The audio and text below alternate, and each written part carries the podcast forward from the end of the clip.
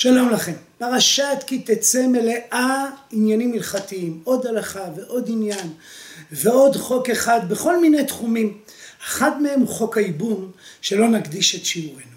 הפרשה אומרת כך, כי ישבו אחים יחדיו, מת אחד מהם ובן אין לו, לא תהיה אשת המת החוצה, להיזהר, יבמה יבוא עליה, ולקחה לאישה ויבמה. חוק הייבום.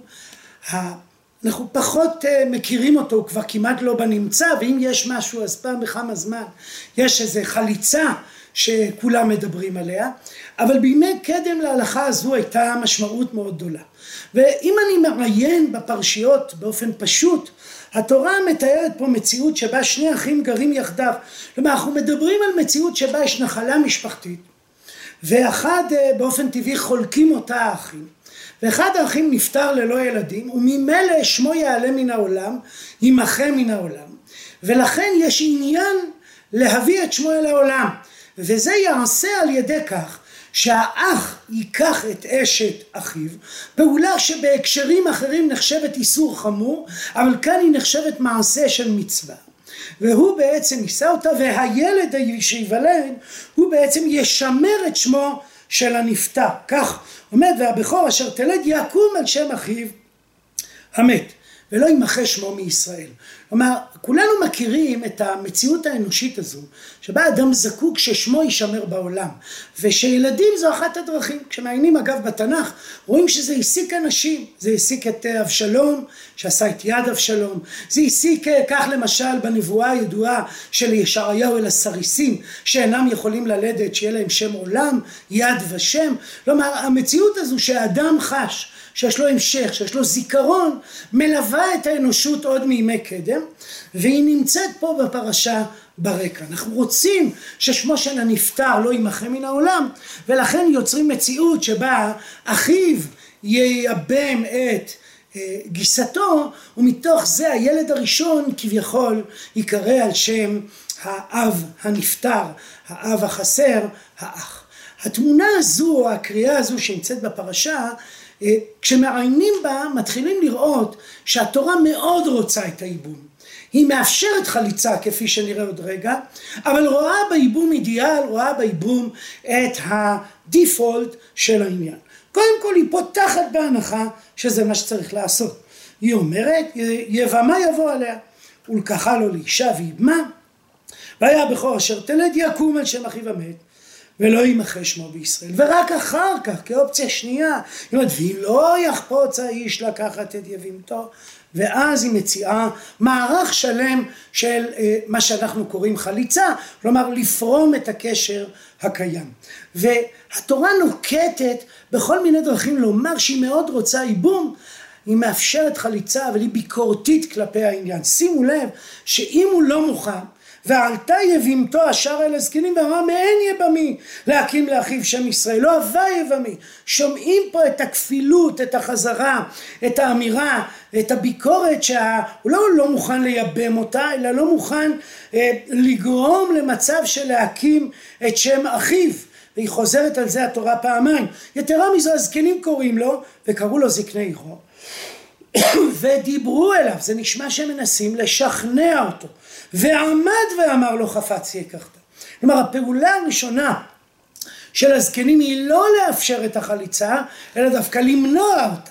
אבל אם הוא עקשן, אם הוא סרבן, והוא אומר לא חפצתי לקחת, רק אז עושים את טקס החליצה, שגם הוא טקס משפיל.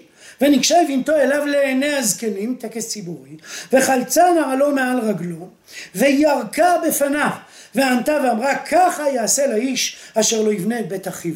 כלומר יש פה טקס שהוא משפיל. חליצת הנעל עצמה אינה דבר משפיל לכשעצמו כפי שנראה בהמשך. חליצת נעל היא פעולה משפטית מוכרת. אבל היריקה והקריאה ככה יעשה לאיש אשר לא יבנה את בית אחיו, ושוב, לא מתנגדים פה בייבום, אלא מתמקדים בתוצאה של הייבום, בלבנות בית לאחיו, ובהצהרה שהאיש הזה לא אכפת לו מאח שלו, והוא לא מוכן לבנות את בית אחיו. והיריקה שהיא פעולה מאוד מאוד חריפה, ואני אזכיר את הדימוי בפרשת מרים המצורעת, שהיא יוצאת להסגר של שבעה ימים, והדימוי שם הוא יריקה של אב בביתו, כלומר פעולה של הייתי אומר הדרה והרחקה וגם כאן יותר מזה ונקרא שמו בישראל יש שם חדש למשפחה ומעכשיו יקראו לה בית חלוץ הנעל. כלומר התורה באופן בסיסי מאוד רוצה ייבום, מעדיפה את הייבום משום שהייבום יוצר מציאות שבה שם המת לא יימחה מן העולם אבל היא מאפשרת את החליצה תוך כדי ביקורת ותוך כדי יצירת מנגנון שידחף את האדם אל הייבום. עשה עמנו הקדוש ברוך הוא חסד והציב בפנינו שתי תמונות מראה לתורה, לחוק שבתורה. תמונה אחת זה המזרח הקדום. כידוע, מצאנו בשני מרכזים, בפרס ובמצרים, תעודות שהתחילו, אפשרו לנו להתחיל לפענח את השפות המקובלות במרחב, את האכדית ואת המצרית, ומתוכם יכולנו גם לפענח את החיתית, את האוגריתית וכולי, ומתוך זה נתגלו בפנינו אוצרות שלמים של חוקי המזרח הקדום, שניתן עכשיו לקרוא את התורה לאורם ולהבין דברים שהתורה אומרת ומחדשת. במקביל חסד שני, זה הפרשייה בספר אה, בראשית פרק ל"ח, סיפור הייבום של יהודה ותמר. הסיפור הזה בעצם מספר לנו את תמונת הייבום בכנען כפי שהיה מקובל. שרת יהודה עוזב את השבטים ומתערבב ביושבי כנען, בהתחלה הוא נושא את ביתו של שועה ואחר כך הוא מחתן את בנו עם תמר ויש פה את תמונת הייבום הכנענית. אם אני רגע מדייק אני מזהה כמה הבדלים מאוד משמעותיים בין הייבום שבין ספר בראשית והמזרח הקדום לבין הייבום שבתורה. ההבדל הראשון זה שאין חליצה, אין אפשרות לחליצה. איך אני יודע את זה? אני יודע את זה משום שתמר מעוגנת לשילה, היא מחכה לו, ויהודה לא רוצה הרי לתת את שילה. מה הוא היה יכול לעשות במקום לעבוד עליה? ולומר לה שתחכה כדברי הכתוב, כן, הוא אומר לה הרי שהוא שולח אותה שבי אלמנה בית אביך עד יגדל שלה בני, כי אמר, חשב פן ימות גם הוא כאחד, אז יהודה לא מתכוון לקיים את זה, יהודה לא רוצה לכוון את זה, לקיים את זה, אז שיחלוץ אותה. אם אי אפשר לחלוץ אותה, והיא צריכה לשבת אלמנה, והיא צריכה לתחמן ולעשות את כל הסיפור הזה שהיא מתחפשת לזונה, הרי שאין חליצה בנמצא, זה לא דבר רלוונטי, האפשרות היחידה היא ייבום. אז אתה יכול להבין את החידוש של התורה. באה התורה ואומרת, נכון, עדיף ייבום. ייבום הוא תופעה בכל המזרח הקדום, היא קיימת, אנחנו מכירים אותה, אבל חשוב גם לאפשר את השחרור בעזרת החליצה. בעולם אחר הייתי מדמה את זה לתפיסה הקתולית שאין גירושים, לבין התפיסה המקראית שיש גירושים בעולם.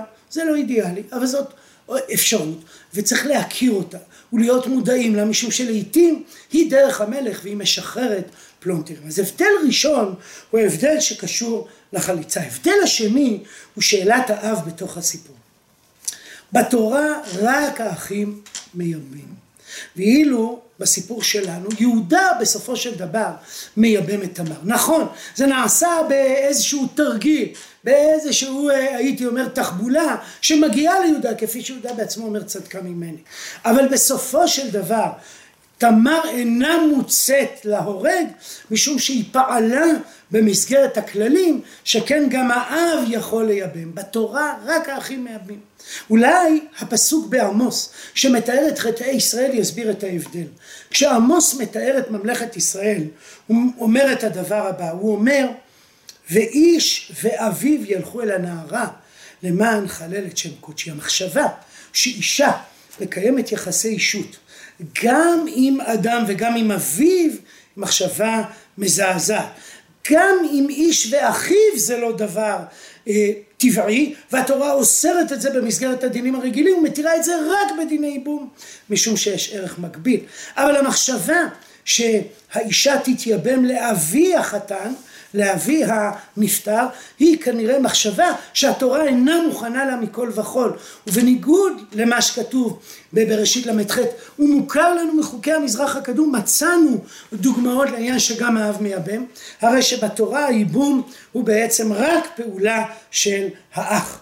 התפיסה, ההבדל הנוסף אולי הוא קשור ל"ולא יסף לדעתה" בסיפור יהודה ותמר. יהודה בעצם ההיריון הראשון קיים את חובתו או את הפעולה של הייבום ולתמר בעצם לא תהיה זוגיות לעולם. היא תהיה אלמנה צרורה כל ימי חייה עם שני ילדים פרץ וזרח. לעומת זאת בתורה אין שום היגד שאוסר את קיום היחסי אישות, בעצם את חיי המשפחה, שמעכשיו האישה המיובמת זוכה לה. יש פה איזושהי עדינות שלצד הדאגה המובהקת, הברורה, לזכרו של הנפטר, התורה בעצם מעניקה חיי נישואים חדשים לאישה. נכון שבעולמנו המודרנו, המודרני עולם של בחירה, עולם של זוגיות, של אהבה עמוקה, של קשר עמוק, זה נראה זר, אבל בימי קדם שכל מערכות היחסים היו מערכות של שידוכים, ואלמנה תמיד מצבה היה קשה, והיא הייתה פעמים רבות בשולי החברה, הרי שהפעולה הזו לא רק מגנה על שם הנפטר, אלא גם מגוננת על האלמנה. ואולי ההבדל האחרון קשור לתפיסה של פעולת הייבום. בבראשית ל"ח עולה התפיסה שהילד שייוולד הוא כביכול באופן מיסטי זרעו של הנפטר. זה בדיוק מה שאומר אונן בסיפור. ויאמר יהודה לאונן בוא אל אשת אחיך ויבם אותה והקם זרע לאחיך. ממש, כאילו באיזושהי תפיסה מיסטית, שבזמן העיבור משתתף האח הנפטר.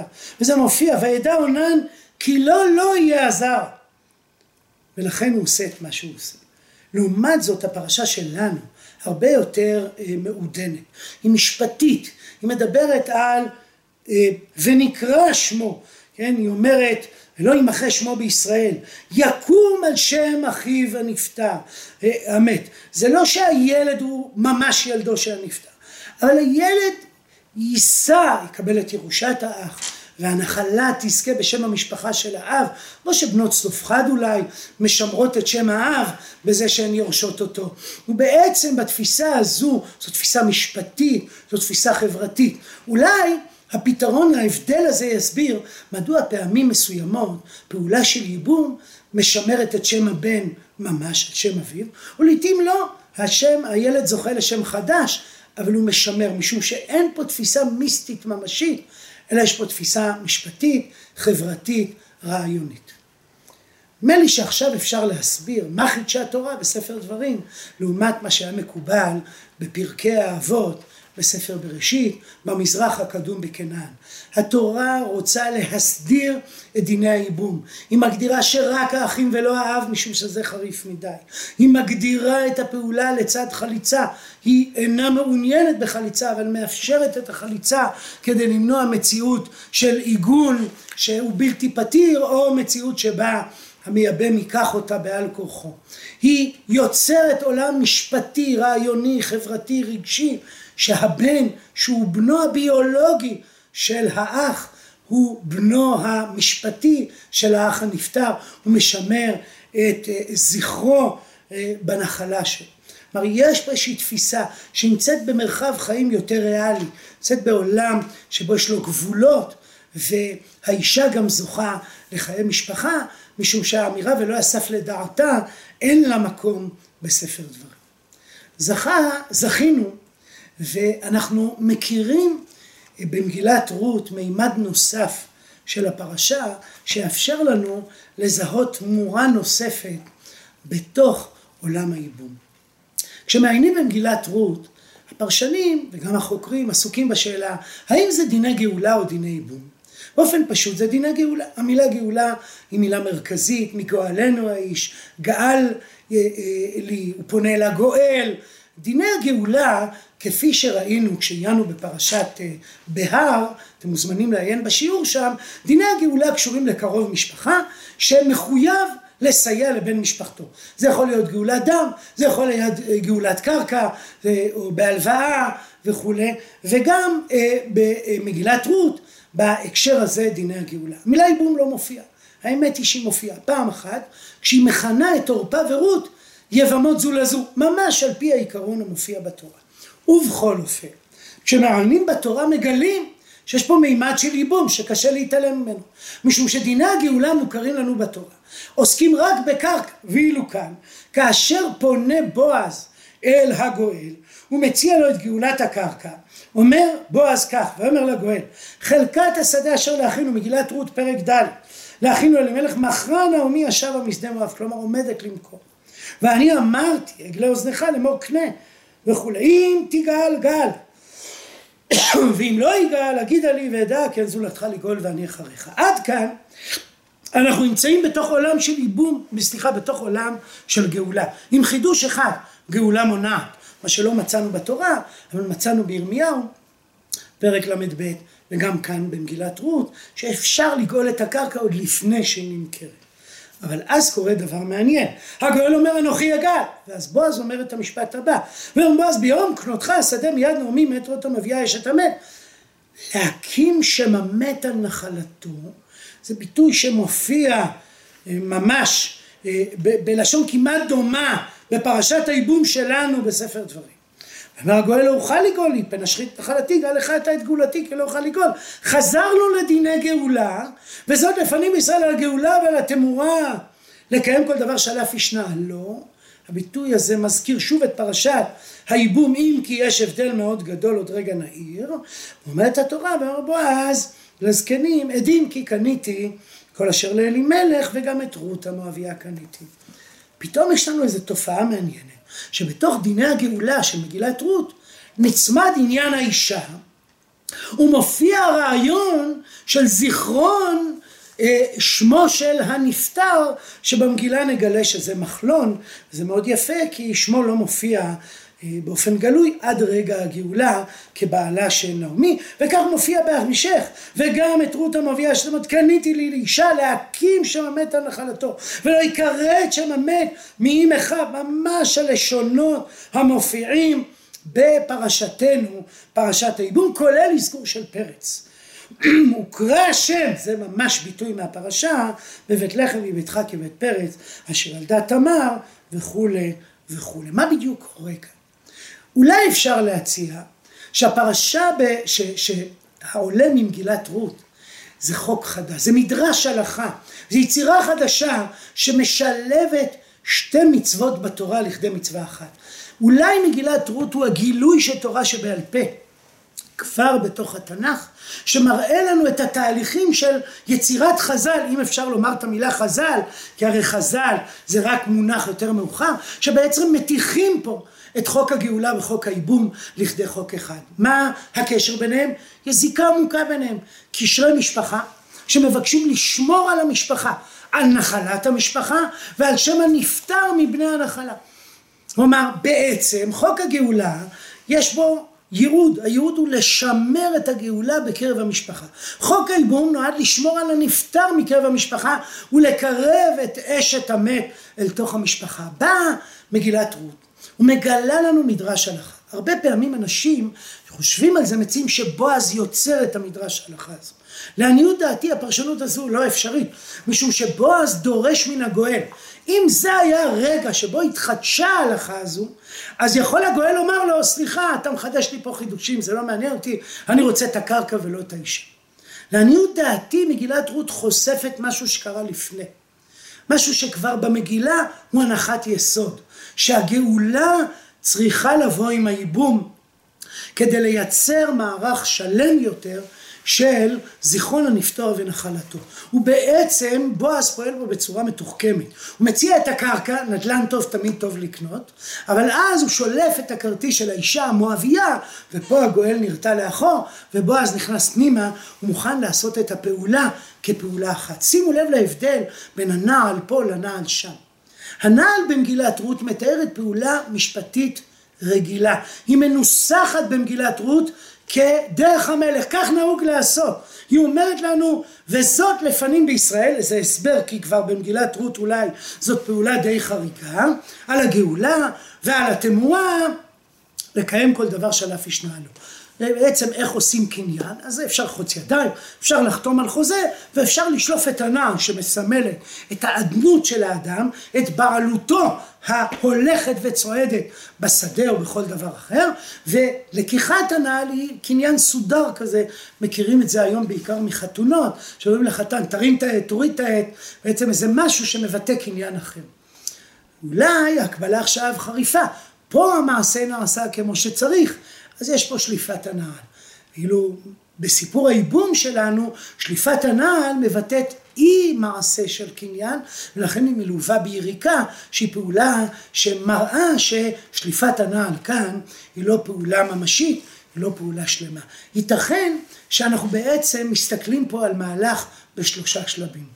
במזרח הקדום היה מקובל חוק הייבום, הוא היה נהוג, הוא נועד לפתור בעיות. שהתחילו עוד מימי בראשית, מה קורה כשאחד האחים נפטר, עם ילדים או בלי ילדים, זאת שאלה שיש במזרח הקדום כך ויש כך, ומה עושים. המשפחה יכולה לגאול כולל האב. באה התורה ומגדירה מחדש את כל מערכת הרסים. היא אומרת שהרעיון של גאולה בתוך המשפחה, רעיון של ייבום הוא רעיון נפלא, הוא רעיון שמשמר את שמו של הנפטר ויוצר מציאות חדשה לאישה האלמנה. אבל זה מותנה, זה לא האב, יש אפשרות לחליצה אם כי היא לא מועדפת, זה לא מיסטי אלא תפיסה משפטית חברתית רוחנית והיא מחדשת חידוש גדול. עוברים הדורות, אתה מגיע למגילת רות, ואתה מגלה מדרש הלכה חדש, שלוקח את פרשת הגאולה, מתיך אותה בתוך פרשת הייבום, ויוצר מערך שלם יותר של אה, ייבום וגאולה הצועדים יחד. במובן הזה, נדמה לי שאפשר אגב להסתכל מגילת רות וקריאתה דווקא בחג השבועות כחג מתן תורה. מתן תורה הוא החידוש שבתורה. הוא מפעלם של חכמים בתורה שבעל פה שמתגלה לנו ממגילת רות שיוצרים מן הפסוקים מימדים חדשים בקיום המצווה